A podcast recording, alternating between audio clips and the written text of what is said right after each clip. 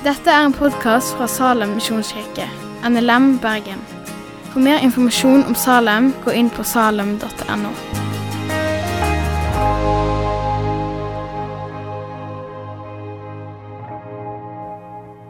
Teksten i dag fra Johannes evangeliet kapittel 21 handler om, og har jeg kalt for eh, de nye begynnelsers epilog. Jeg håper de neste minuttene viser at denne historien i teksten òg handler om det. Men før vi leser teksten, så, så, må vi gå litt før. For jeg ser for meg at Johannes, som naturlig nok har skrevet Johannes evangeliet, sitter der og skriver i kapittel 20. Og så skriver han på slutten Jesus gjorde også mange andre tegn for øynene på disiplene. Tegn som ikke det er skrevet om i denne boken. Men eh, disse er skrevet for at dere skal tro at Jesus er Messias, Guds sønn, og for at dere ved troen skal ha liv i hans navn. Punktum. Og Johannes lener seg tilbake fornøyd med sin første bok. Eller i hvert fall sin viktigste bok. Men så virker det som når vi leser i neste, så det jeg ikke helt ferdig. Nei, det, det er noe som mangler. Nei, han må skrive en epilog. Han må skrive et slags etterord som samler de løse trådene, og vi får kapittel 21. Men hva handler kapittel 21 om? Nei, det, det fortolk, bibelfortolkere litt uenige om. Jeg velger å si at jeg mener han handler om Peter. Og da må vi ha et slags krasjkurs Peter før vi går til teksten. Peter Eh, tidligere Simon het han. Han var tidligere fisker.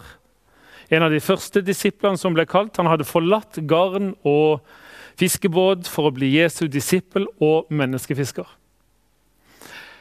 Peter utpekte seg som en ledertype. Han eh, hadde tydelige bekjennelser, store løfter. Var gjerne den som eh, tok ordet først av gjengen, tok et skritt ut av mengden og eh, uttalte seg gjerne på vegne av hele disippelflokken. Ja, Jesus ga han faktisk rollen som klippen som kirka skulle bygges på. Men like før Jesu død så svikta Peter. Til tross for sin høye bekjennelse så benekta han, ja, han banna på at han ikke kjente Jesus. Peter satt høyt og falt dypt. Det er han som er i fokus i epilogen til Johans evangeliet. Hans Inge Fagervik, artisten, har skrevet en sang om Peter. En sang om åssen Peter hadde det etter sitt svik. Sangen heter 'Natt i Jerusalem'.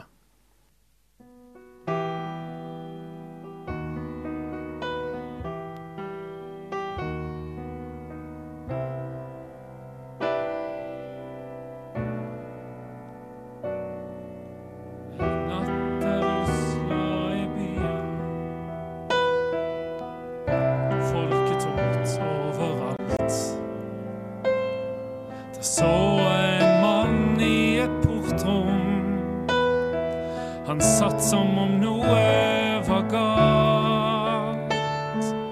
Jeg stoppa og snakka til han. Om jeg kunne hjelpe med noe. Han hviska, jeg heter Peter. Jeg nikka og sa jeg forsto. Mens øynene fyltes av tårer fortalte han om livet sitt. Om første møte med mesteren, og at han hadde spilt fallitt. Han sa jeg svikta så grundig, min beste venn. Jeg har fått det jeg fortjente ingenting har igjen. Men tenk om jeg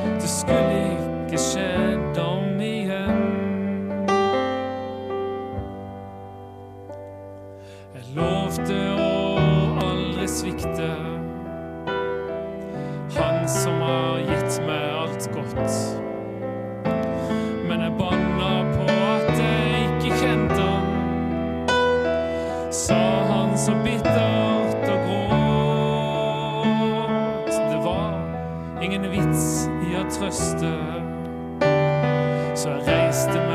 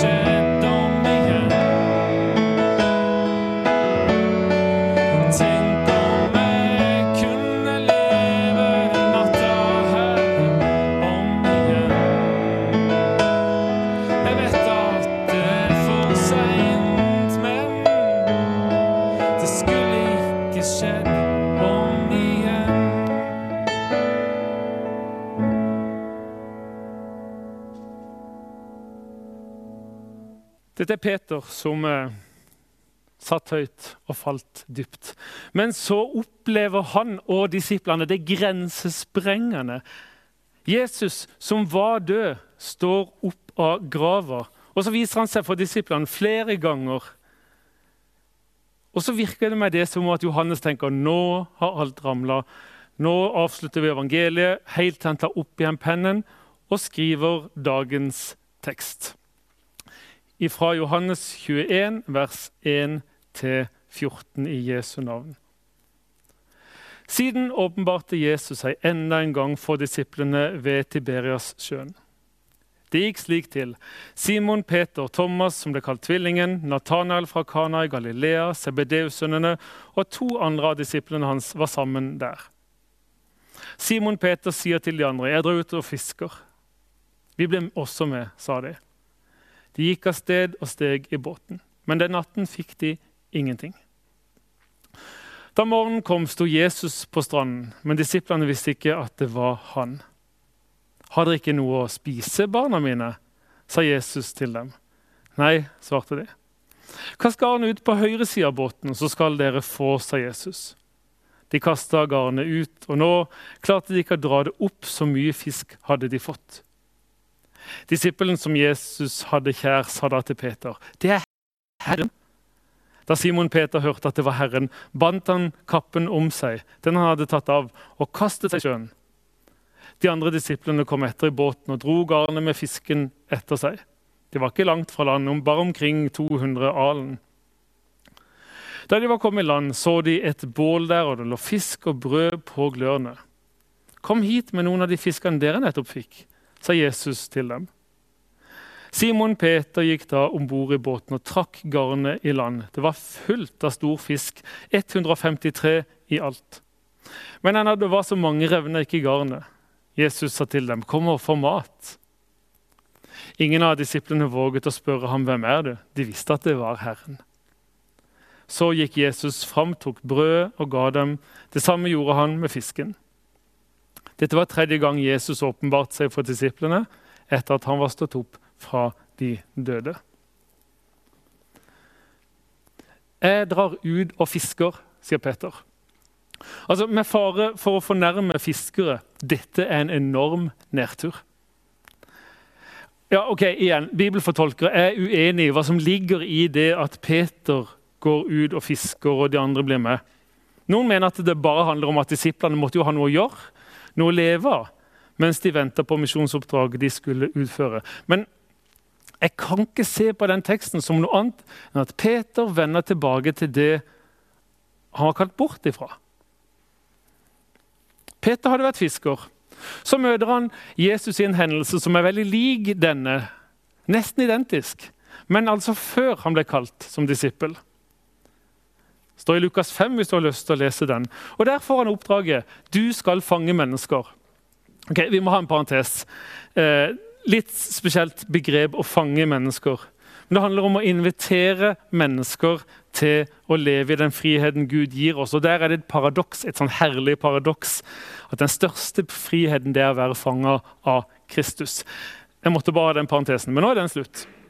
Peter var altså kalt bort fra fiskingen for å fange mennesker. Fiske mennesker. Og så er det ikke synd å fiske. Det er ikke galt å fiske, men akkurat for Peter så er jeg redd for at denne fisketuren som han gjennomfører, er et symbol på en som har gitt opp det kallet som Jesus ga han. På en som har lagt vekk det Jesus ba ham om, å fange mennesker. For selv om Jesus hadde stått opp fra de døde, selv om Jesus hadde vist seg for dem, og vist seg å være den han sa, Guds sønn, så gikk Peter tilbake til fiskinga. Jeg drar ut og fisker. Men hvorfor gjorde han det? Jeg lurer på om det kan være skam. Fortvilelse over eget nederlag. Jo, Jesus hadde møtt dem igjen. Jesus hadde møtt Peter òg. Og han hadde til og med sendt dem ut. I kapittel 20 så sier, så sier Jesus at han sender dem ut igjen. Men jeg lurer på om det kan ha sneket seg inn en tvil hos Peter. Kunne det gjelde han? Han som hadde falt så dypt? Nei, kanskje det var best at han holdt seg til fiskinga. Skomaker bli ved din lest, eller fisker bli ved ditt garn. Hvorfor skulle han tro at han var bygd for å bli en leder av bevegelsen rundt Jesus? Skammen er en utrolig effektiv kraft for å holde mennesker nede. For å få folk til å gi opp. Jeg er ikke god nok. Og det er mange som kjenner på skam. Enten skam som andre har påført den, eller skam over noen sjøl har gjort, eller kanskje enda mer skam over noen sjøl er. Eh, uansett årsak så er felles at konklusjonen er at jeg er ikke god nok. Det går ikke på en sånn synd som man kan bekjenne det er en skam som går på selve personligheten. På et eller annet punkt i livet så har vi gitt plass til en stemme som hvisker du er problemet. Du er feilen. Det var ikke bare det at du gjorde noe galt, men du er noe galt. Men er det sant? Er det sånn som dessverre mange kjenner på? at det er nok bare å gi opp livet som kristen eller som etterfølger av Jesus for meg. De greiene der fikser ikke jeg. Eller i det minste gå tilbake til et slags overlevelsesmodus som troende. Så kan de andre som, de som fikser de greiene, de vellykka, eller kanskje vi skal kalle dem for de heldiges samfunn, eh, kanskje de skal få lov til å holde på å styre sjøl. Meg så blir det ikke rare greiene med. Jeg lurer litt på det står ikke direkte i teksten, men jeg lurer litt på om det var det Peter kjente på når han gikk tilbake og sa at 'jeg går og fisker'. Men hva skjer med Peter? Jo, Han opplever jo omtrent den, sa, den identiske fiskefangsten og historien som den gangen Jesus første gang sa 'vær ikke redd', du skal være med med å fange mennesker, fiske mennesker. Den første gangen så møtte de Jesus som sier 'kast ut garnene en gang til'. De gjorde det også andre ganger. Den første gangen fikk de garnene fullt av fisk.